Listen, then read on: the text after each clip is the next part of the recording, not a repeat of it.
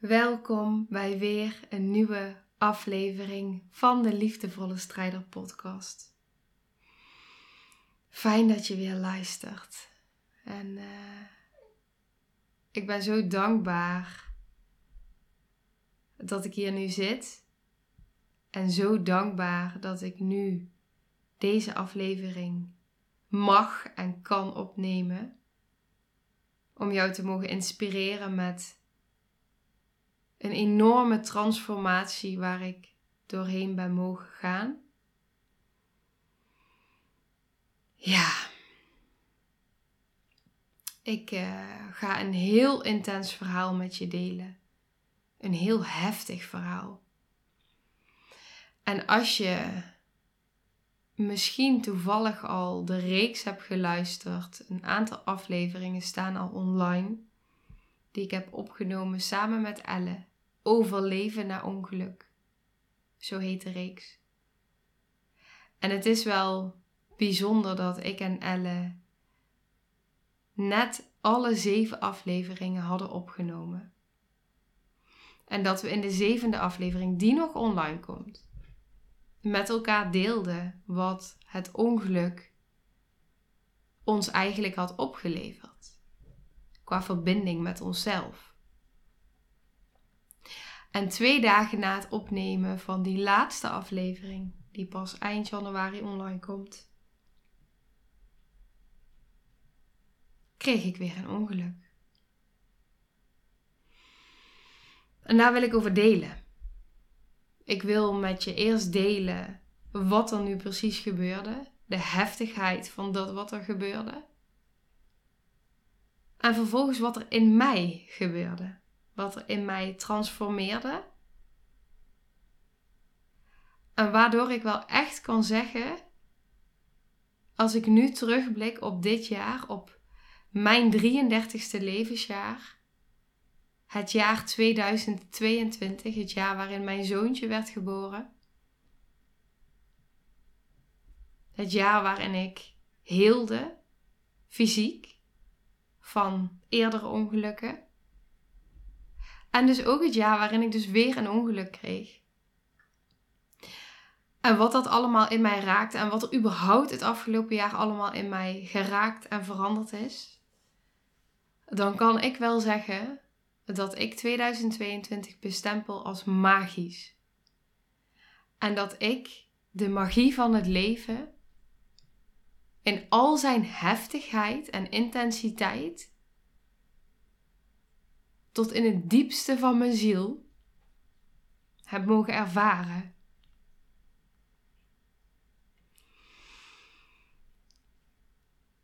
Ja. en daarmee wil ik je graag inspireren, omdat dit een verhaal is wat ik graag met je deel. Dus ik ga beginnen bij het ongeluk. En ik, ik heb nog gedacht, en dat wil ik ook vast even delen voor ik begin. Ik heb nog gedacht moet ik nu wachten met deze aflevering om hem vervolgens als achtste aflevering van de reeks die ik samen met Elle opneem, op heb genomen. Om hem daarachter te plaatsen. Maar ik voel hem nu. En dit is wat nu speelt, dit is wat nu gaande is. En tijd loopt zover ik ehm, geloof. Dat is wat ik geloof. Uh, loopt überhaupt door elkaar heen. Meerdere tijdlijnen tegelijk. En uh, ja, ik ga er niet te veel over uitweiden. Ik dacht, dit is het moment. Ik voel het nu. En het is, dan loopt het misschien maar even um, door elkaar heen. En dat is oké. Dus uh, ik wil hem nu opnemen en ook plaatsen. En dan uh, zou ik zeggen, als je het interessant vindt, luister echt de reeks ook met Elle. Want ja, het, er zitten echt hele, hele mooie, waardevolle lessen in. Ook als je zelf geen ongeluk hebt gehad.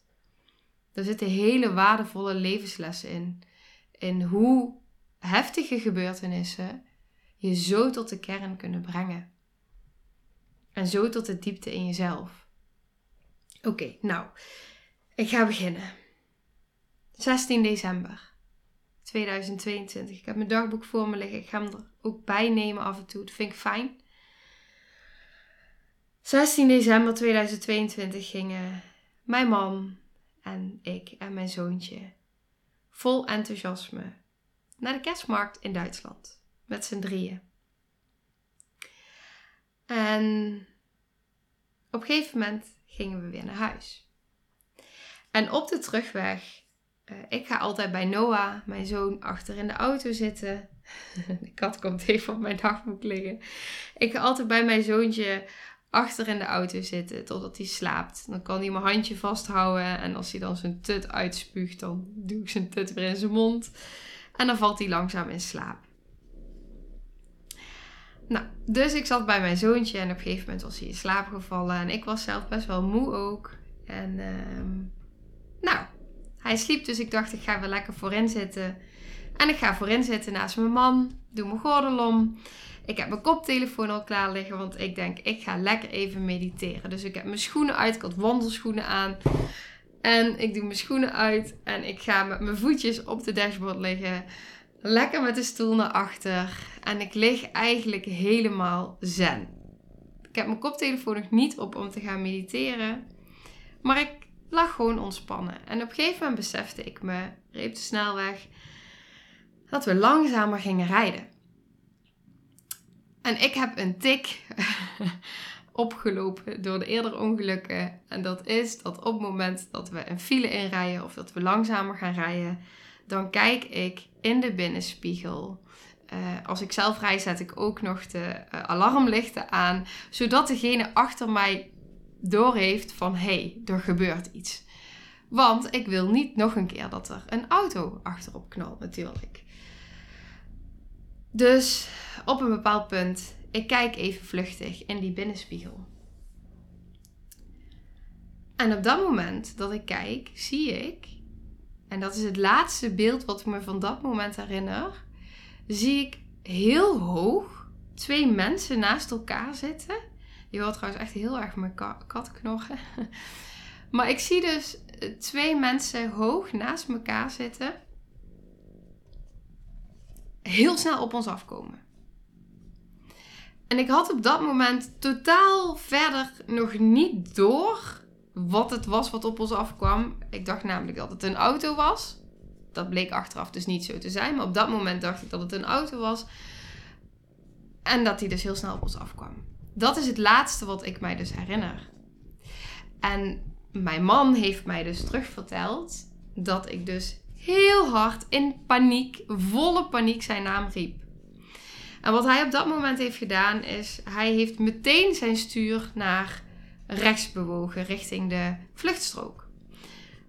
Nou, de vrachtwagen die dus achter ons reed, die zag ons op het laatste moment blijkbaar, of dat, het een, dat hij een file inreed. Dus die probeerde nog naar links te sturen. Het feit dat mijn man naar rechts heeft gestuurd, dat hij dus die seconde extra had, want vanaf het moment dat ik het zag en het ongeluk gebeurde, waren we dus twee seconden verder, zei mijn man.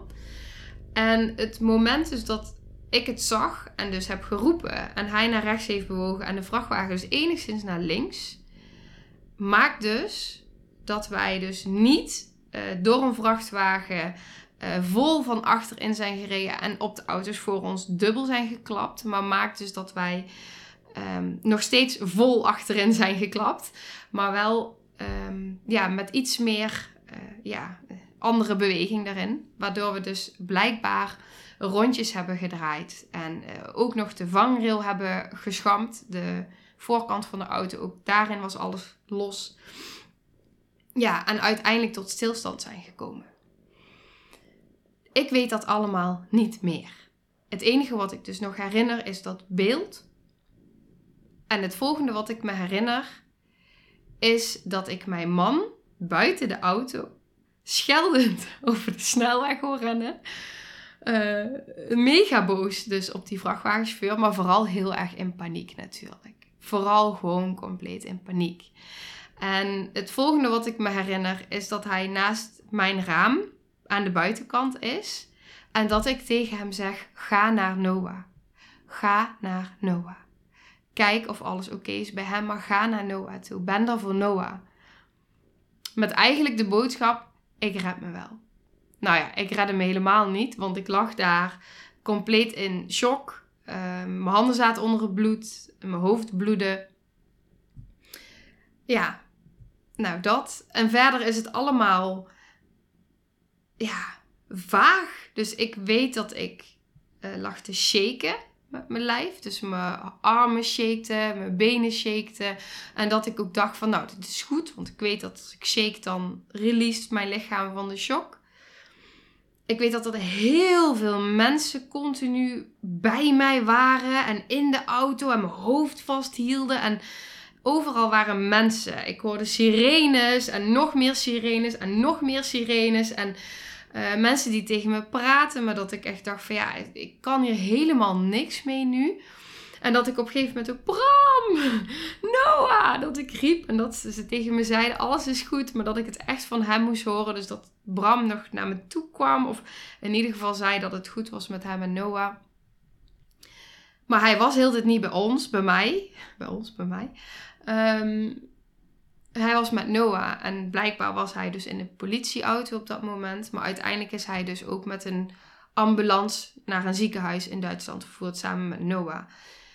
Terwijl ik nog in die auto uh, zat, zeg maar. En um, hij kon ook niks daarvoor mij doen, want op dat moment moest hij er voor zichzelf en voor Noah zijn. En dat was ook wat ik wilde. Dus ik was, ja, dat had, het was voor hem heel heftig. Het was voor hem ontzettend heftig om mij daar te zien bloedend, uh, met een hoofdwond. Um, ja, geen kant op kunnen eigenlijk. Ja, en vervolgens um, niet weten hoe het met mij gaat. En ook weten van ja, Noah moet dadelijk eten. Dus wat hij super slim heeft gedaan op dat moment is hij heeft gewoon zijn moeder meteen opgebeld. En gezegd van ja, je moet hier naartoe komen met melk, want Noah moet dadelijk eten en het gaat niet goed met Sandy. Ja, het ging eigenlijk ook helemaal niet goed met Bram. Dus die was vooral ook heel erg aan het zorgen op dat moment. En uh, ja, aan het overleven eigenlijk ook natuurlijk. Nou ja, ik lag dus in die auto. En wat heel erg bijzonder is achteraf, was dus dat er ook heel erg veel mannen bezig waren op dat moment om mij te helpen. Ik weet dat er een man achter mij zat, die hield mijn hoofd vast en die wreef af en toe zo over mijn wang heen om mij een soort van gerust te stellen of zo. En dat voelde heel veilig. Dat voelde heel oké. Dus ik voelde op een of andere manier ook, ja, dat, dat ik gedragen werd. Zowel door de hulpverleners op dat moment, als door het leven zelf. Ik voelde er gek genoeg, omdat ik wist op dat moment, hè, wat ik dus op dat moment te horen had gekregen, het gaat goed met Bram en Noah. Ja, voelde ik, oké, ik geef me over. Dat is wat ik op dat moment in die auto voelde. Mijn lichaam wil shaken, oké, shake maar, kom maar.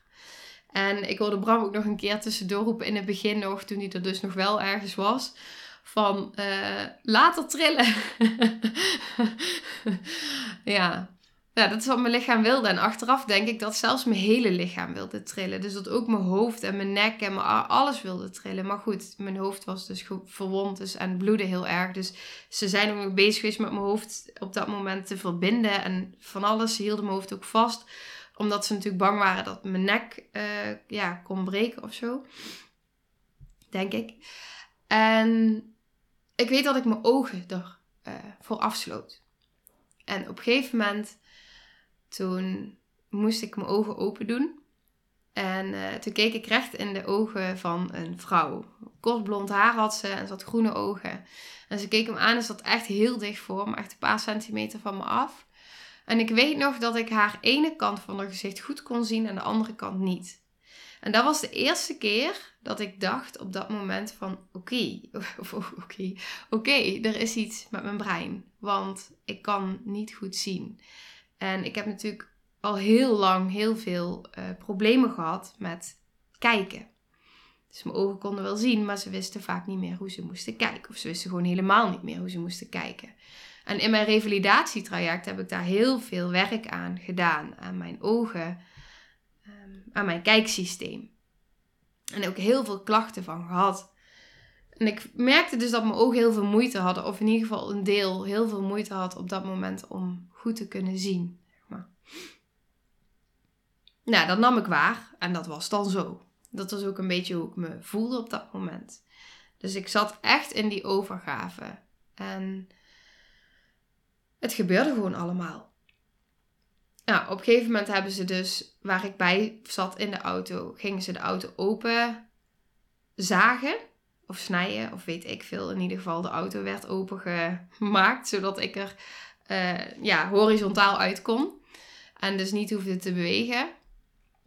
En uh, in ieder geval mijn nek niet. En het was wel interessant, want ze zeiden ook tegen mij verder gaat heel veel herrie maken. Maar ik hoorde het niet zo goed. Dus of ik was gewoon echt heel erg gedissocieerd. Ik ben natuurlijk ook echt wel even oud geweest. Dus of ik was gewoon heel erg gedissocieerd. Ehm, het voelde ook alsof ik een beetje zweefde tussen de verschillende werelden in. Zo voelde het ja, ik was niet helemaal op aarde, zeg maar. En uh, dus ze zeiden van, we gaan heel erg veel herrie maken. En ik dacht, ja, oké, prima. En ik vond het wel meevallen. En vooral omdat ik natuurlijk altijd heel erg prikkelgevoelig was, dacht ik, nou, dat gaat echt wel veel uh, herrie geven. Maar dat ervaarde ik dus niet zo. Nou, in ieder geval, lang verhaal um, kort. Ik pak heel even mijn dagboek erbij. Hmm. Oh ja, hier schrijf ik ook van: ik tril, mijn hele lichaam schudt en trilt op en neer. Ik laat het gebeuren, want mijn lichaam weet wat het nodig heeft. Het is heel erg koud. Ik word vastgehouden en soms wrijf ze over mijn wang. Ik weet dat ze me helpen. Het voelt helend, helpend. Dan word ik uit de auto gehaald. Daar weet ik niets meer van. Nee, dat klopt. Dat weet ik eigenlijk ook niet meer. Ik weet niet meer hoe ik uit de auto word gehaald. Wel dat het horizontaal is gegaan, want anders hadden ze de auto niet open hoeven halen. Maar ik weet niet meer hoe het is gegaan. En ook de rit in de ambulance weet ik niet meer goed. Ik weet eigenlijk, um, er gebeurt gewoon ook zo ontzettend veel. Ja, dat ik ook gewoon heel erg veel kwijt ben. Nou, in ieder geval, ik, ik zal even kort door het stuk, uh, het eerste stuk heen gaan. Ze hebben me dus naar een ander ziekenhuis gebracht een ander ziekenhuis dan Brahma Noah in Duitsland. En ze hebben een scan gemaakt in dat ziekenhuis voor mij. En terwijl ik binnenkwam, hebben ze heel veel gedaan. Kleren werden opengeknipt, er werden allemaal testen gedaan, er werden allemaal infusen ingebracht. Mijn bloeddruk werd gemeten, eh, ze waren met mijn hoofd bezig. Ik ging door een scan heen. Ja, echt van alles. Er gebeurt dan zoveel. Ze stellen allemaal vragen. Het was allemaal Duits. Ik kon er helemaal niks van verstaan. Ik kon echt totaal geen Duits. Hun kennen allemaal geen Engels. Dus ja, het was echt ingewikkeld om te communiceren. Soms lukt het gelukkig wel, omdat sommigen dan wel weer Engels konden. Die liet ze dan met mij communiceren. In het ziekenhuis waar ik in eerste instantie op de eerste hulp lag, ging dat nog beter dan het ziekenhuis waar ik later kwam. Maar op dat moment ja, op een of andere manier was er wel communicatie mogelijk. Ehm, nou, ik kreeg paracetamol, alleen paracetamol, omdat ik natuurlijk bosvoeding geef. En ik wilde dus ook niks anders dan dat, want ze boden me op een gegeven moment aan van ja, zullen we heftigere pijnbestrijding geven? Maar dan mag je alleen de komende uren geen bosvoeding geven, komende dagen. Toen ik, nee, nee, nee, nee, nee, dat gaan we niet doen. Ik wil mijn kind voeden. en ik wil naar mijn kind toe, überhaupt. Um, nou, uiteindelijk hadden ze mijn uh, hoofd hadden ze gehecht. En uh, nou, was ik in de scan geweest. En uiteindelijk zeiden ze dus van nou, je mag dadelijk naar je man en je kind toe. Ja, maar dat duurde heel erg lang. Ik moest wachten op een ambulance om naar een ander ziekenhuis vervoerd te worden. Maar het duurde zo ontzettend lang. En ik had ook geen kolf. En hun hadden ook geen kolf. En er was dus een punt. Ik kon alleen maar liggen. Mijn bloeddruk was mega laag. En ik voelde me echt, ik had heel veel pijn en ik voelde me echt super slecht. Maar op een gegeven moment voelde ik gewoon, ik moet gewoon kolven nu. Nou, ze hadden geen kolf. Dus er was een punt waar we zoveel uur verder waren dat ik dacht, ja, dan ga ik wel met mijn handen kolven, maar ik moet nu kolven. Dus ik vroeg Geen idee hoe ik het voor elkaar heb gekregen. Maar ik vroeg in ieder geval om een bekertje. En ik kreeg dus twee van die witte plastic bekertjes. En ik zat daar dus, of ik lag. En ik dacht, oké, nou moet ik overeind. Dus ze hielpen mij zeg maar om enigszins voorover te zitten. Maar ja, op het moment dat ik dus voorover ging zitten, gebeurde er zoveel. Dus ik werd helemaal duizelig en dat ging eigenlijk niet zo goed. Maar ik dacht, ja, ik wil kolven, want ik, ik moet kolven, want ik, ik, sta op knappen. Nou, dus, dus ik begon met mijn handen te kolven. En terwijl ik dus in het ene bekertje aan de kolven was, wat een informatie dit, um, moest ik overgeven. Dus in het andere bekertje moest ik overgeven. Maar wat er dus gebeurde was echt heel erg interessant, waarom ik dit vertel op het moment dat ik ging overgeven, zag ik dus dat er wat ik overgaf, want ik had amper gegeten, ik had een appel op, uh, ja, net voor het ongeluk of zo, gitzwart. Gitzwart was het wat eruit kwam. En toen dacht ik: holy moly, dit is trauma. Dit is trauma. Ik heb zo vaak gehoord van mensen die ayahuasca dronken. Of die kambo uh, hadden ja, uh, gedaan. Dat op het moment dat jij dus echt trauma overgeeft, dat het gitzwart is. En ik gaf over. En het, het was zo'n ander. Ik, ik kan het niet uitleggen, maar op dat moment iets in mij, een diep weten, voelde op dat moment van: dit gebeurt niet voor niks. En ik was over het algemeen, terwijl ik daar lag, best wel kalm. Tuurlijk kwamen er momenten dat er een angstgedachte in me opkwam. Tuurlijk waren er momenten dat ik dacht: jeetje, waarom overkomt mij dit weer? Wat doe ik in godsnaam verkeerd in dit leven? Dat ik weer een ongeluk krijg. En tegelijkertijd voelde ik kalmte, voelde ik vertrouwen en voelde ik een diep weten. Dit heeft een reden. Dit gaat mij dienen.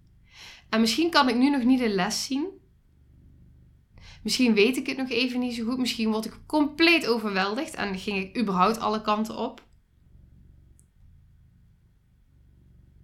Maar toch was er een soort van vertrouwen van de, hier zitten lessen in. En nu, als je het hebt over dat stuk dat ik daar alleen lag, als ik daar nu op terugkijk, dan voelde ik daar dat ik in een onbekend land was, een ongeluk had gehad, mijn hoofd bloedde, lag open, hersenschudding, noemden ze ook letterlijk een hersenschudding. dat zijn allemaal triggers als je het dan hebt over mijn eerdere ongelukken. Mannen die mij na, uiteindelijk ook in het donker naar een ander ziekenhuis brachten. Mannen die me hielpen, die me wond verzorgden, die me hechten, die me kleren losknipten ook, waren er ook bij, denk ik. Maar dat weet ik niet meer. Maar in ieder geval die mijn hoofd vasthield en me over mijn wang aaide, was ook een man. En als ik daar nu op terugvoel, hoe ik daar was, wetende dat alles overhoop lag op dat moment, in een onbekend land, alleen, in een onbekend ziekenhuis, na een heftig ongeluk, niet weten wat er, ja, ik voelde. En ik vind het bijna bizar om het uit te spreken. Ondanks de omstandigheden, veilig bij mezelf. Ik voelde dat ik op dat ik ik voelde een gedragenheid. Een gedragenheid ook van het leven. Een overgave.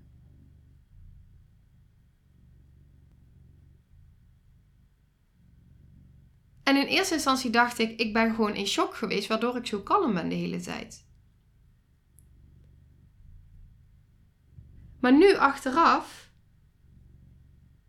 en ook met alles wat er daarna nog is uh, mogen ontstaan. En daar ga ik zo meer over delen. Besef ik hoe ontzettend getransformeerd ik ben. Ik heb op dat moment in dat ziekenhuis heb ik een healing aangezet op mijn koptelefoon, want ik moest daar toch wachten. Ik was ook niet aan het wachten. Ik was gewoon aan het zijn. Misschien was ik ook wel aan het wachten, maar ook weer niet. Ik ging gewoon helemaal mee in, in dat moment. En ik heb op dat moment dus ook echt het leven,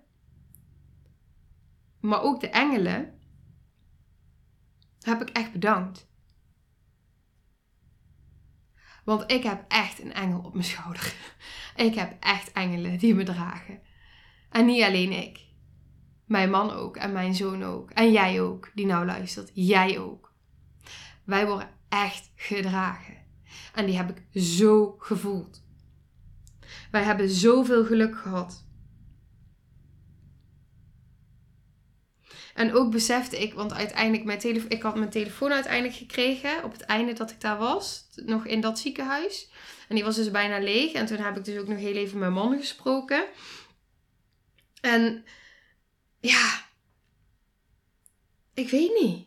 Ik voelde dus hoe alleen ik daar eigenlijk dus ook was. Op een of andere manier zo'n diep weten dat ik ja, gedragen word ook door de lichtwereld. Ja, dat is wat ik voel en uh, dat is wat ik deel. En ja, ik heb ook besloten afgelopen week, die vind ik ook wel mooi om te delen, om nu ook te zeggen, wat ik ook daarin heel erg heb mogen voelen de afgelopen periode eigenlijk sinds het ongeluk dat ik me gewoon 100% ga uitspreken voor alles wat ik voel en denk en geloof. Ongeacht, maar echt ongeacht, de meningen van anderen. Dus als ik het wil hebben over engelen, omdat ik daarin geloof en omdat ik ze voel, dan heb ik het daarover. Dus bij deze. En dit hoort ook gewoon bij mijn verhaal, want dit is ook wat ik ja, wat ik, wat ik voelde. Oké. Nou, vervolgens, ik ga even door. Ik word dus uiteindelijk, ging ik dus eindelijk naar dat andere ziekenhuis. Het was al avond, ongeluk was begin van de middag, het was al avond en ik ging eindelijk naar dat andere ziekenhuis. En ik kom daar dus aan. En ik word dus eerst door drie mannen word ik dus daarmee naartoe vervoerd. En ik zit daar op mijn. Ik lig daar op mijn bedje in mijn handen met mijn melk, die de verpleegster ook gewoon weg had willen gooien. Daar was de kat weer. Oh, dat gaat goed, jongens. Oh god, oh god. Ja. Oké. Nou, sorry hoor. Nou, ik ben daar dus. En die, die verpleegster wilde dus die kolf, die melk die ik dus met mijn handen heb afgekolfd. Gewoon met, nou ik wil bijna zeggen met bloed, zweet en tranen. Nou, er lag bloed en, en, en ik was aan het zweten en ik zat ook vol tranen. Dus met bloed, zweet en tranen mijn melk gekolfd. En ja, ik, ik, ik heb die gewoon dat bekertje vast en zij willen weggooien. En ik dacht echt, no, no, no, no, no. ik moet mijn baby voeden. Ja, maar goed. Dus ik zat daar. Ik werd door die mannen weggebracht. En ik zat dus in mijn handen met mijn, mijn bekertje melk. En um, nou, ik kom dus in een andere ziekenhuis aan. En ik denk, yes, eindelijk naar mijn man en mijn kind. Eindelijk. En ik kom in dat ziekenhuis aan. En ze beginnen allemaal met elkaar te praten. In het Duits. Ik versta er niks van. Ik lig daar. In mijn volledige kwetsbaarheid met mijn, mijn hoofdwond en net gehecht. En ik lig daar en vervolgens, ze zeggen niet eens hallo of zo. Nee, ze pakken mijn bed en ze rijden me gewoon een kamer in. Nou, hi, ik ben een mens, ik lig hier. Eh, ik ben hier helemaal onbekend, maar oké. En ik word een kamer ingereden. En daar ligt een oude vrouw. Ja, en toen ging er bij mij toch even een knop om. Toen dacht ik, ja, maar hoe eens even. Dit is niet de bedoeling. Ik was super duizelig, super beroerd. Ik had super veel pijn. Ik wil naar mijn man en mijn kind. En op dat moment voel ik ook ineens, dat was het eerste moment dat hij inkikte. Holy shit, ik ben in een vreemd land, in een vreemd ziekenhuis. Ik spreek de taal niet. Ik ben gewond. En ik weet niet waar mijn man en mijn kind zijn. Dat was het eerste moment dat ik dacht: oké, nu kan ik eens in paniek gaan raken. Dus ik begon al een beetje te stijgeren tegen die uh, verpleegster. Van no, no, no, no, no. my husband, my, my baby. I need to go to my baby. Nou ja, dus daar ging ik. En ehm, ja, die, die snapte er helemaal niks van. En dat kon allemaal niet en allemaal ingewikkeld gedoe. En ineens hoor ik Bram zijn stem op de gang. Dus ik roep keihard naar Bram. En hij komt die kamer binnen gerend. En hij hult en hij pakt me vast. En nou ja, twee tijden later vraag ik waar is Noah? En hij zegt, die is op de kinderafdeling. Bij een zuster, zeg maar, in de armen. Nou, oké. En um, ik wil daar naartoe. En hun zeggen nee. Ik moest hier blijven en Noah moest op de kinderafdeling blijven. Typte ze in Google Translate. Nou, zeg echt even niet tegen mij dat ik niet tegen, naar mijn kind toe mag. Dus ja, dan, gaat er gewoon, dan, dan gaat er echt een leeuw in mij. Die kwam gewoon naar boven. En ik dacht, al val ik hier ter plekke om, het maakt me niks uit. Ik ga nu naar mijn kind. Dus ik zei tegen Bram, ik zeg, pak je me vast als ik nou opsta? En Bram zegt, ja hoor. Dus ik sta op uit mijn bed. Ik denk, oh mijn god, dan moet ik ook nog gaan lopen. Maar ik denk, ik loop naar mijn kind toe en er is niemand die mij tegenhoudt. Dus, dus Bram pak mijn hand en dan komt zo'n andere zuster achter ons aangerend. En die pakt mijn, uh, pakt mijn handje ook vast. En samen lopen we heel voorzichtig naar mijn baby. Oh ja, eindelijk. Eindelijk. Nou ja, toen kwam dus de volgende uh, strijd. Want uh, ja, mijn kind had eigenlijk al de hele dag, dus Noah had al de hele dag had hij um, ja, hadden ze hem gecheckt, zijn hart en alles was goed. Hij was ook helemaal onderzocht en alles was goed met hem. En uh, ja. Ja, alles was goed. Sorry, ik kom af en toe niet helemaal. Dit is, ik moet nog even een beetje processen. Mijn hoofd doet af en toe even uh, storing geven. Maar um, ja, het was goed met hem. Gewoon helemaal. Het was eigenlijk gewoon, het is gewoon een wonder. Het is echt een wonder. En ze hadden hem helemaal gecheckt. En uh, nou, toen zeiden ze wel van ja, voor de zekerheid willen we dat hij hier alleen nog een nachtje ligt. Nou, ik ken mijn baby. Daar wordt, wordt hij echt niet beter of gelukkiger of uh, gezonder van. Door, uh, hij slaapt nog steeds bij ons in bed. En hij slaapt alleen maar op ons, tegen ons aan, uh, als hij in slaap gewiegd wordt um, veilig bij ons. We reguleren hem. Ja, uh, ik ga mijn kind niet hier alleen op een afdeling. Dus ik zei ook van, ja, sorry, maar dan gaan we naar huis. Ik ga dat niet doen. Ik ga mijn kind niet hier alleen laten liggen als ik weet dat het niet goed is voor mijn kind. En al helemaal niet als jullie net twee minuten van tevoren tegen mij hebben gezegd dat hij gezond is en dat alles goed met hem is. Ja, sorry. En toen zeiden ze van, uh, na heel veel uh, gedoe, dat we hem dan mee mochten nemen naar mijn afdeling. Um, nou, is goed. Dus toen mochten we meenemen naar onze afdeling. En gelukkig. Anders waren we naar huis gegaan. Maar, um, dus daar mochten dus we zijn gewoon samen geweest. En dat was ook echt de afdeling waar we dus een paar nachten hebben gelegen. En de eerste nacht, Noah lag bij mij in bed. En ik voedde hem. En ik had hem vast. En ik dacht echt alleen maar Dankjewel, dankjewel, dankjewel, dankjewel, dankjewel, dankjewel. Thank you, thank you, thank you, thank you, thank you. Echt.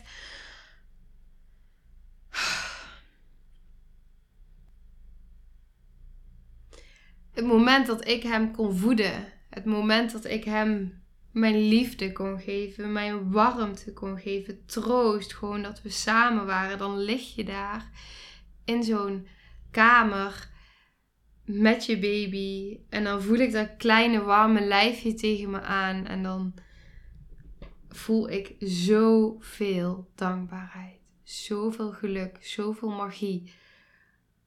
Echt, op dat moment, ik, ik vergeet daar nooit meer, die nacht, dat ik daar lag.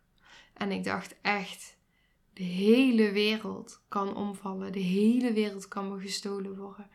Wat er ook is met mijn lijf. Ik voelde zo'n complete overgave, zo'n compleet vertrouwen, zo'n gevoel van compleetheid. Omdat hij daar tegen me aan lag. En ik had hem echt huilend vast. En op dat moment bedankte ik de engelen. Op dat moment bedankte ik het leven. En ik dacht alleen maar: dankjewel, dankjewel. Zoveel pijn, fysiek. En tegelijkertijd zoveel geluk. Het ging zo diep. Het feit dat hij er zo zonder schrammetje uit is gekomen.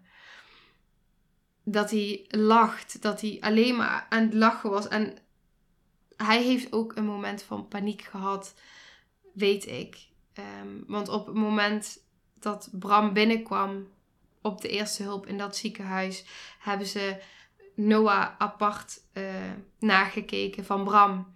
En mijn schoonmoeder, ik heb natuurlijk gevraagd van hoe ging dat toen je in het ziekenhuis kwam. Die was eerder bij Noah dan Bram. En ze trof Noah slapend aan op dat moment dat ze kwam bij de verpleegster. Maar op het moment dat hij wakker werd, was hij compleet in paniek. En hij was echt aan het huilen en hij moest echt even kijken totdat hij zag van, oh, dit is oma die voor me staat. Dus hij was echt wel in paniek. Dus hij heeft ook echt wel, ja, echt dat moment van paniek ook gehad. Ehm, ja, waarschijnlijk omdat allebei zijn ouders, ik was, ik was er gewoon niet voor hem op dat moment. Ik lag in een ander ziekenhuis. Ik was niet bij hem. Ik was niet bij hem om hem te troosten op dat moment.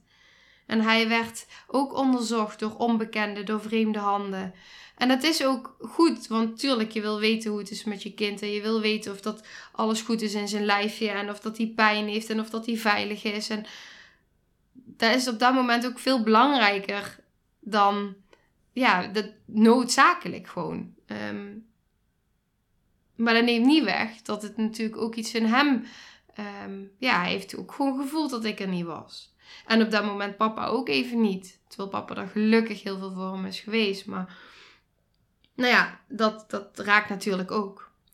Dus er gebeurde zoveel tegelijk. Je kan je voorstellen dat op het moment dat er zoveel tegelijk gebeurt en je wordt in zoveel facetten op allerlei manieren wordt je geraakt, dat doet gewoon heel veel.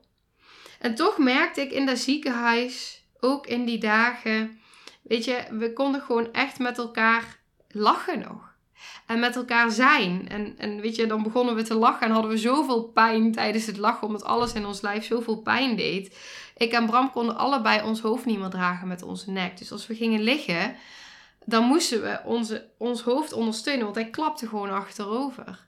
Natuurlijk baden me dat met momenten ook wel zorgen. Maar ik voelde zoveel vertrouwen of zo tegelijkertijd. Of vooral overgave. Ik denk dat dat het is. Ik voelde zoveel overgave.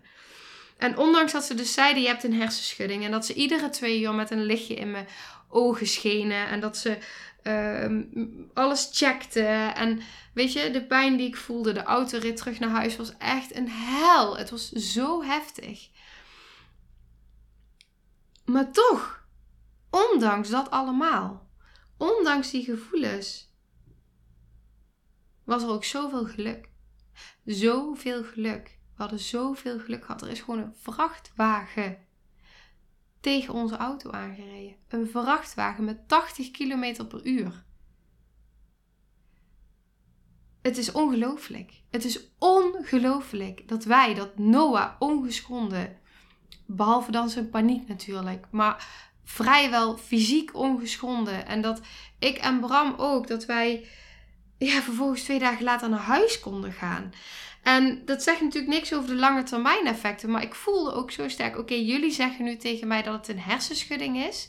En ik kan daar nu mijn ervaringen uit het verleden op gaan projecteren. En ervan uitgaan dat dit nu weer realiteit is. Of ik vertrouw. Of ik geef me over.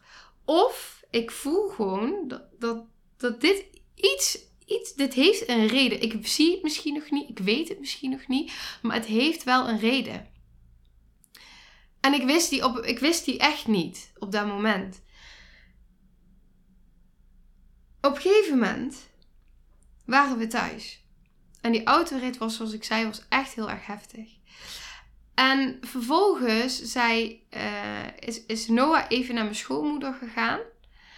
En is Bram even met de hond gaan wandelen. En ik was alleen. Voor het eerst. Sinds dan natuurlijk in de andere ziekenhuis. Maar ik was nu echt alleen met mezelf. En ik ging in bad liggen. En ik begon te huilen. Maar echt, echt die diepe, rauwe, pure emotie. Echt, hij ging zo diep. Ik voelde zo'n diepe eenzaamheid. Ik voelde zo'n diep verdriet. Ik voelde me zo verloren. Ik voelde me zo, ja, zo geraakt. En ik liet het helemaal gaan. Het mocht er helemaal zijn. Ik dacht, kom maar, kom maar, het is oké. En op een gegeven moment, ik heb mezelf ook omarmd. Het deed verrekte veel pijn op dat moment. Maar goed, ik heb mezelf omarmd. En ik ging weer liggen. En ik had mijn handen open liggen. En ineens voelde ik iets in mijn rechterhand. En alles stroomde in mijn lijf. Alles stroomde. En ik voelde iets in mijn rechterhand. Ik was helemaal in het moment. Ik ging helemaal op in dat moment daar aanwezig te zijn met alles wat zich op dat moment aandiende. En ik voelde een beweging in mijn hand. En toen gaf ik vanuit mijn pure gevoel de intentie: oké, laat me alsjeblieft voelen dat ik niet alleen ben. Ik weet het, maar ik voel het ook. Maar ik wil het in mijn lijf voelen. En het was zo'n puur gevoel. Het was ook oké als het niet zo was. En ik voelde weer iets in mijn hand. Ja, het, is echt bizar. En toen, voel, toen zette ik de intentie, oké, links ook. En ik voelde daar ook iets veranderen. Ik voelde, ik vroeg om hulp. Ik vroeg op dat moment om hulp.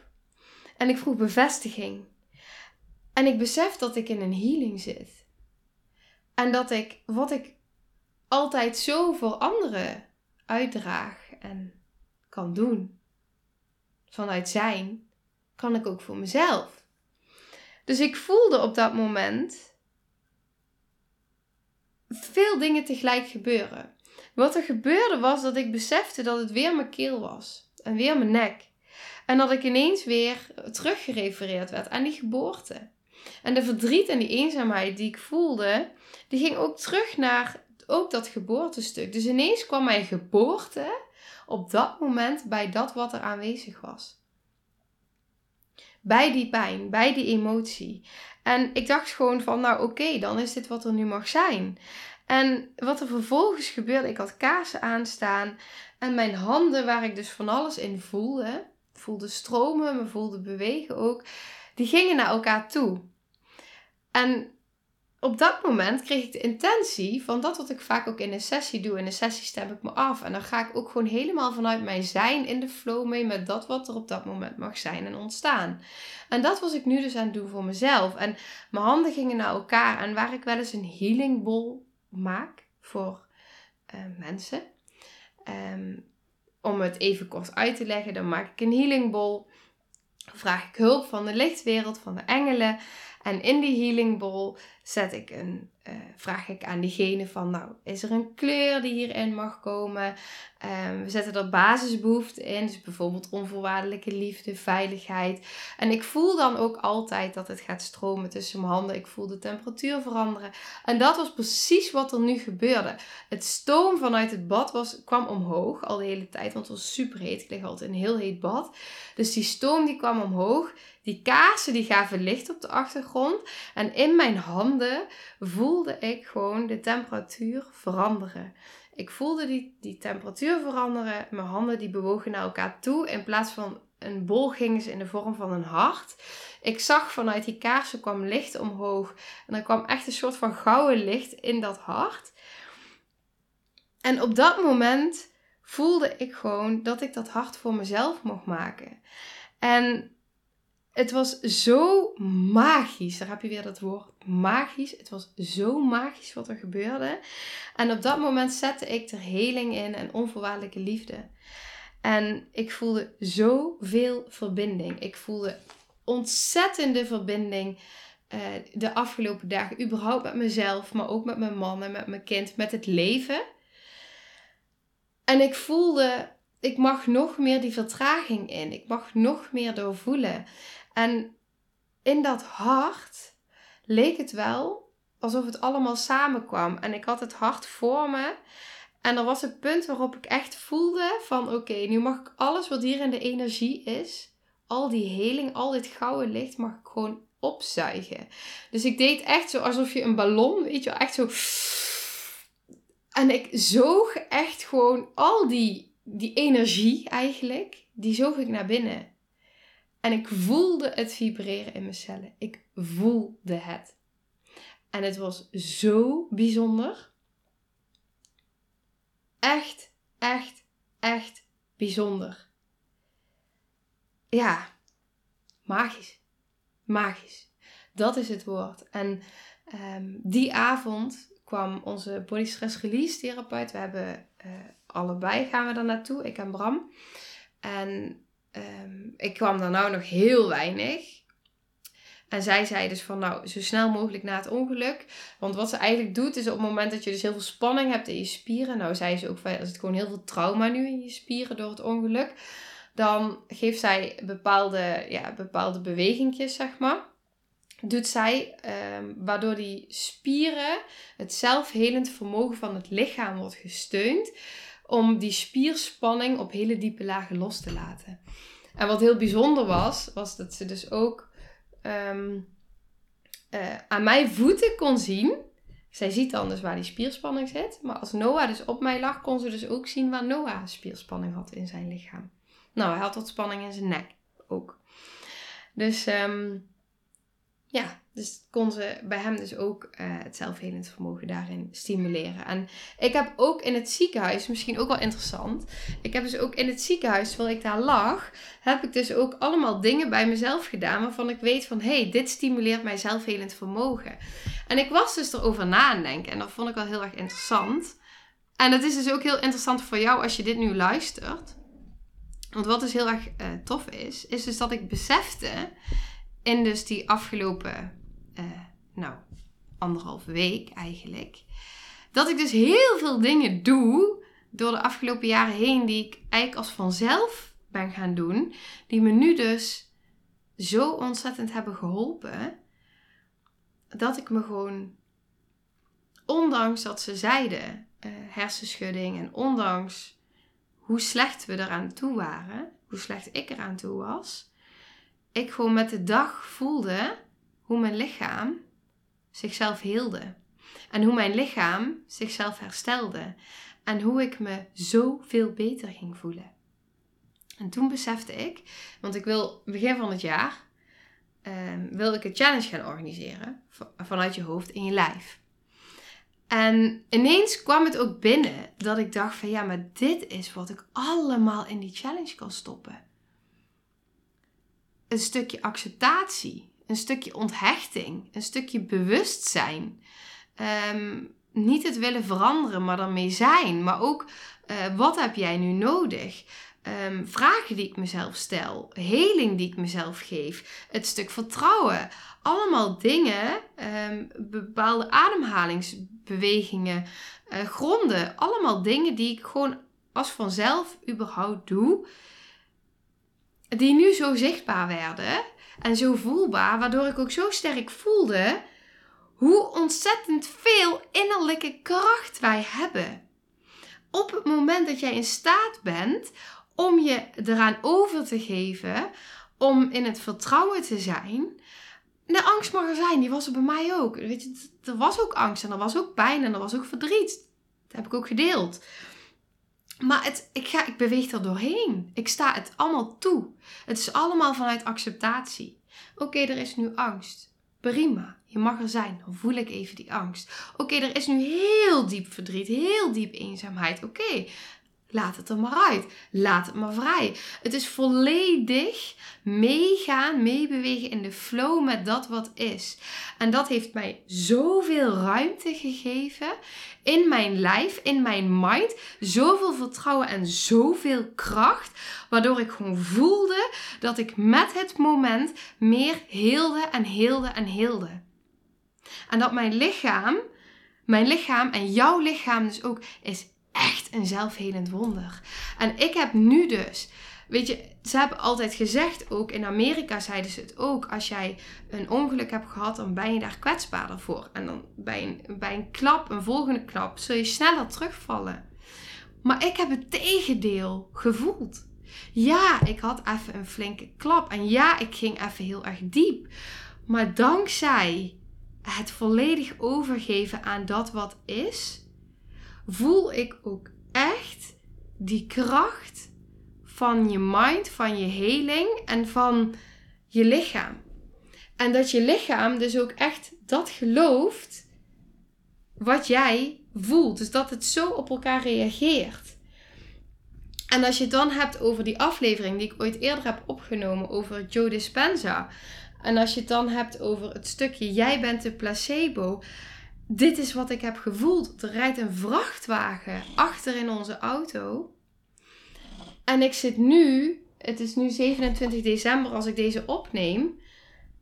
Ik zit nu gewoon weer een podcast op te nemen. En ik heb cruciale dingen gedaan, want ik ben echt volledig naar binnen gekeerd.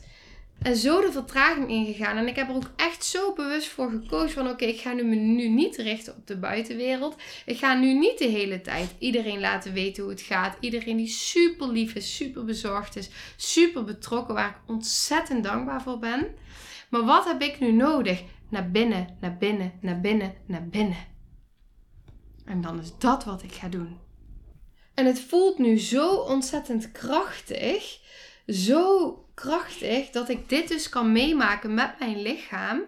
En dat ik dus voel hoe mijn lichaam dus vibreert. Hoe mijn lichaam dus groeit en heelt. En waar ik dus doorheen kan gaan. En dat vertrouwen. Weet je, ik zag een paar dagen geleden, we liepen even bos in. Ik zie een eekhoorntje. Op eerste kerstdag, ik zie gewoon twee hertjes die de weg oversteken. En dan denk ik alleen maar, magisch. Dit is zo ontzettend magisch. De hoogste vibratie, de hoogste, ehm, ja, uh, ja, de hoogste vibratie ehm, is dankbaarheid. En dat ik daar al in dat ziekenhuis, gerenigd met mijn zoon en mijn man, zo ook die dankbaarheid kon voelen.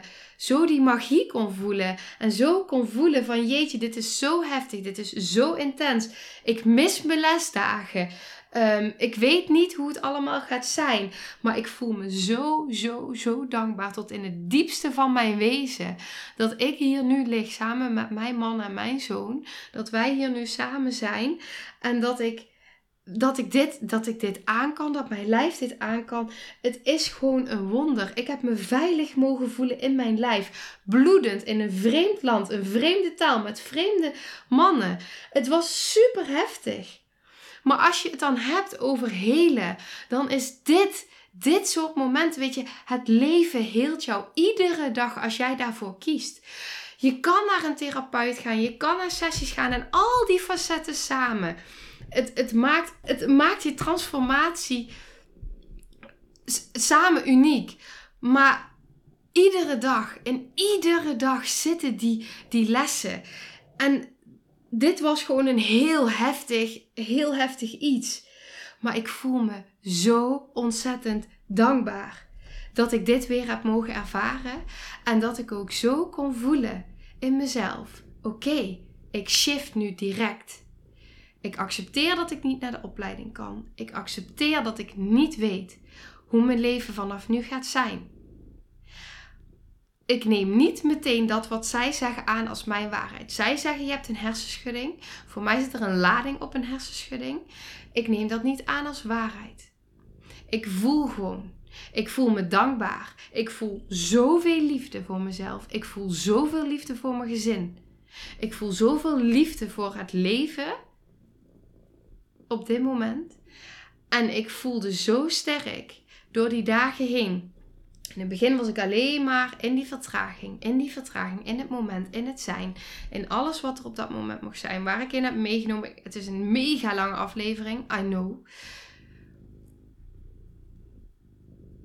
Maar het gaf.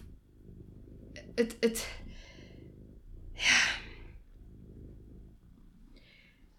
Zelfs met een vrachtwagen blijf ik staan.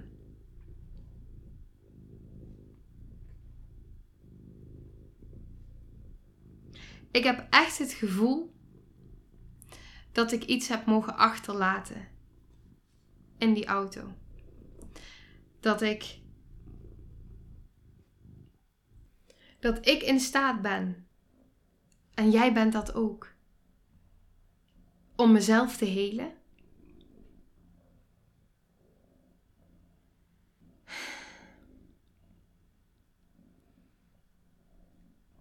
Ja. Magisch, magisch, magisch, magisch, magisch. Dat is mijn woord voor dit jaar. En wat ik heel sterk voel nu. Ik voel zo sterk die lijn tussen mijn intuïtie en mijn mind. Ik voel zo sterk die kracht daarvan. Die samenwerking tussen die twee, die verbinding. En ik voel zo sterk hoe alles in verbinding staat met elkaar. En ik voel daarin dus ook dat ik, en ik ga hier echt nog meer over delen. Ik ga dit ook voor mezelf nog helemaal uitwerken. Ehm, maar ik voel dat dit ook mee gaat transformeren in mijn onderneming. In dat wat ik wil gaan uitdragen het komende jaar. Ik voel dat ik uh, het anders wil. Ik wil met een paar mensen wil ik de diepte ingaan. Ik wil een langer traject gaan doen, een traject van een half jaar, zodat we echt kunnen gaan bouwen. Vertraging, veiligheid, verbinding en vertrouwen. Dat is wat ik voel. Dat is wat ik zo ontzettend belangrijk vind. En dat is wat ik, wat ik, wat ik je gun dat is wat ik nu zelf ook weer zo heb mogen voelen op nog zo'n diepere laag in mezelf. En daarin voel ik dus ook, ik wil bouwen. Ik wil bouwen met iemand. Ik wil dit wat ik in mezelf voel, wat ik in de afgelopen jaren heb mogen leren en heb mogen ervaren en heb mogen creëren in mezelf. Dat is wat ik jou gun. En daarom wil ik met iemand de diepte in of met een paar mensen. Om echt te gaan bouwen aan die fundering, aan die veiligheid, om vanuit daar te helen, om jezelf te bevrijden, om jezelf te durven zijn, om te leven vanuit liefde, om te leven vanuit vertrouwen. Dat op het moment dat er zoiets gebeurt wat jou helemaal aan wankelen brengt, dat er zoiets heftigs gebeurt, dat je nog steeds die lijn voelt met je intuïtie, dat je die lijn voelt, dat, dat er zoveel meer is uh, zoveel groter is dan jij. Dat jij zo in verbinding bent met alles. Dat er in de energie, dat, je, dat het zo stroomt. En dat jij kan intunen. En dat jij tot alles, tot zoveel meer in staat bent dan dat je kan bedenken. Dat je zoveel krachtiger bent dan dat je misschien nu nog voelt of beseft. En dat, dat, dat is waar ik, waar ik zo graag met mensen naartoe wil. Dat is waarom ik ook deze podcast ben begonnen. Om jou te laten zien dat je altijd, altijd, ongeacht de omstandigheid, ongeacht wat er gebeurt, naar liefde kan bewegen. Naar vertrouwen kan bewegen. Dat alles al in jou aanwezig is. En ik vind het zo fantastisch om jou daarin te mogen helpen. Om jou daarmee in verbinding te brengen. Jij met jezelf. Want alles zit in jou. En dan gaat het niet over een quick fix, maar juist over die ruimte om te zijn. Voor een veilige fundering, voor regulatie. Om zo diep dat onderbewuste in te bewegen. En alles wat gezien en geheeld en gehoord wil worden door jouw lichaam. Te mogen erkennen. Te mogen accepteren. En dat is wat ik voel. Laatst zei iemand uit de community die het online programma volgt, die zei, en dat vond ik zo mooi dat ze dat zei, het programma voelt als een reis. En toen dacht ik echt, yes, yes, dit is het. Het voelt als een reis en dat is wat ik mensen wil geven. Een reis in jezelf. En ik loop graag met je mee op die reis. En als jij voelt dat jij interesse hebt om inderdaad echt een half jaar individueel met mij samen op reis te gaan in jezelf, stuur me dan een berichtje naar info.sandykremers.nl. Ik zal het eronder zetten, maar doe dat. Want dan kan ik kijken, is er echt interesse? Zijn er mensen die dit echt voelen? Ja, dat lijkt me zo tof. En ik, ik ga nog helemaal daarvoor zitten. Um, omdat ik gewoon voel dat alles nu voor mij is weer aan het verschuiven. En daarin neem ik je zo graag mee. En wat ik, ik wil, weet je, aankomend jaar ook die pilot is, is nu draaiende met het online programma. En het is zo, zo, zo mooi om dan terug te horen. Ja, wat, wat mensen daarin ook. Wat mensen daarin beweegt. En wat er in beweging wordt gezet. En wat er geraakt wordt. En ja, hoe, hoeveel er ook uh, getransformeerd wordt. En dat is ja, daar ga ik nog op een ander moment wel uh, verder op in. Maar ik wil dus nog één dingetje vragen, of aangeven eigenlijk. Ik voel heel erg dat ik wil gaan werken ook met groepen. Live, met groepen. En um, ja, cirkels, ceremonies, uh, misschien retreatdagen, uh, dat soort dingen. Laat het mij even weten of je daar iets voor voelt. Ik heb al mensen die tegen me hebben gezegd van nou als je zoiets gaat doen dan ben ik er zeker bij. Ehm, maar ik ben heel benieuwd van is er interesse? En in de dingen die ik nu zeg, waar zit dan die interesse? Want ik benoem verschillende dingen. Ik benoemde straks al de challenge die sowieso gratis gaat zijn. Um, en er zitten natuurlijk verschillen in. Hè? Als ik in een groep ga samenwerken, is dat natuurlijk um, nou, is de prijs lager dan wanneer ik een heel individueel traject met je aanga van een half jaar. Dat is natuurlijk ook logisch. Um, omdat ik dan helemaal ga, diep ga intunen op jou. En dat is al mijn tijd en aandacht. Uh, ik investeer in één persoon. Dus dat is natuurlijk een, een, een verschil. Maar ik ben heel benieuwd van... Um, nou, voel je het ergens in? Ja. Want dan kan ik daarop intunen. Want ik merk dat er zoveel in mij uh, transformeert en zoveel in mij ja, uh, in beweging is op dit moment. En ik vind het heel fijn om dan ook terug te horen, nou ja, hoe dat dan, zeg maar, uh, ja, waar de behoefte ligt. Dus um, ja, dat. Nou, ik had hem even op pauze gezet. De honden van de buren waren even aan blaffen. En ik dacht, oké, pauze. En uh, dat was ook even een mooi moment. Want ik kon ook even. Ik zat natuurlijk vol in deze aflevering. En ik raad er maar door. En ik ga maar door. En ik sta helemaal aan. En er gebeurt zoveel tegelijkertijd. En als ik dan nu denk van oké, weet je, het is mooi om deze aflevering te gaan afronden. En waar wil ik dan mee afronden? Dan is dat eigenlijk ook hoe ik dit jaar wil afronden als ik terugkijk op 2022, en dat is wat ik je echt zo graag mee wil geven. En dan helemaal naar wat ik afgelopen weken weer heb mogen ervaren in deze wake-up call, om het zo maar even te zeggen. Is dat ik echt geloof dat het leven jou altijd dient als jij daarvoor kiest. Dat het gaat over hoe jij ergens naar kijkt. En dat jij kan zijn wie jij wil zijn. En dat jij uit elke heftige situatie, hoe heftig ook, hoe intens ook, je kan daar je kracht uithalen. Je kan daar al je groei uithalen. Je kan daar zoveel lessen uithalen als jij daarvoor kiest. En jouw mind, jouw mind is zo ontzettend krachtig. Jouw hart is zo krachtig. Jij bent zo ontzettend krachtig. Jij bent zo'n ontzettende creator. En als jij iets voelt en als jij ergens voor gaat en als jij ergens in gelooft en als jij ergens voor staat, dan is dat wat jij creëert. En dat is wat ik geloof. En nu alleen nog maar meer. Alleen nog maar meer. Het gaat niet over de buitenwereld. Keer naar binnen. Daar zijn je antwoorden. Daar is je gevoel. Hoe meer jij werkt aan in lijn komen met je hart, in lijn komen met je intuïtie, hoe meer jij dat innerlijke werk doet. Ik heb het nu zo mogen ervaren weer dat al dat werk wat ik de afgelopen jaren heb gedaan innerlijk en alles wat ik uitdraag voor anderen, ik voel nu nog sterker dat dat wat bijvoorbeeld in mijn online programma zit, dat wat ik is, ik ben nog zoveel meer in mezelf gaan geloven. Nog zoveel meer, omdat ik nu weer heb mogen ervaren wat de kracht is van dat wat ik doe.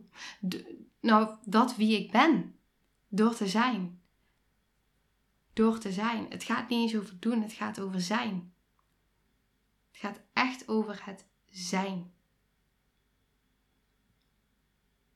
Ja, dat.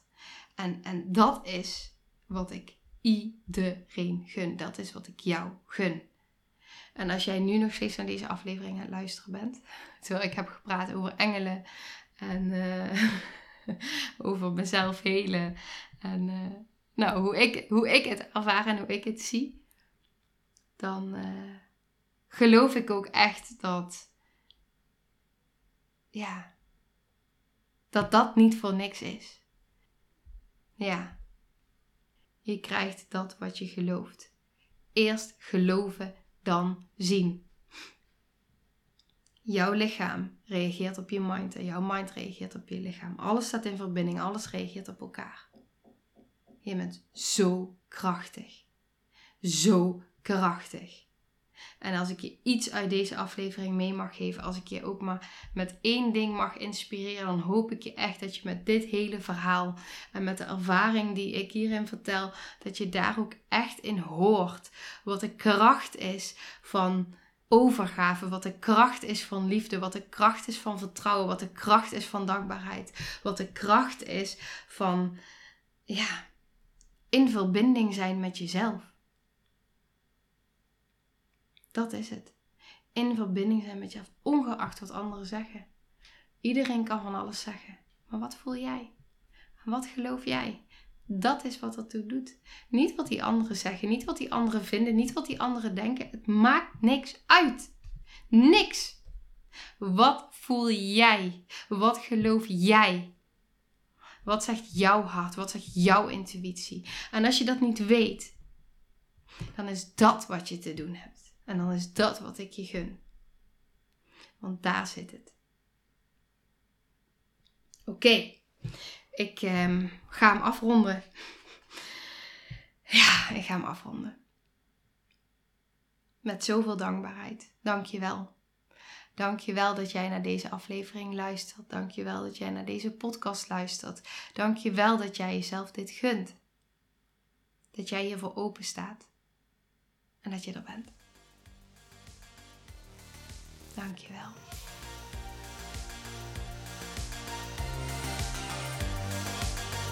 Nou, lieve mensen, ontzettend bedankt voor het luisteren. Ik ben heel benieuwd wat je van de aflevering vond en welk inzicht je eruit hebt gehaald. Mocht je nog vragen hebben of is er een onderwerp waar je meer over wilt weten, laat het me dan weten. En wie weet neem ik het mee in een van de volgende afleveringen. Als je het leuk vindt, kun je de aflevering delen. Of maak een screenshot en tag me op Instagram. Want ik vind het echt super tof om te zien wie er luistert. De link van mijn Instagram staat in de beschrijving bij de podcast. En wil je blijvend geïnspireerd worden? Klik dan op abonneer of volgen in de podcast-app waarmee je luistert. Dat zouden ik en alle toekomstige luisteraars enorm waarderen. Want dat zorgt er namelijk voor dat de podcast beter gevonden wordt. Nogmaals, dankjewel voor het luisteren en heel graag tot de volgende aflevering.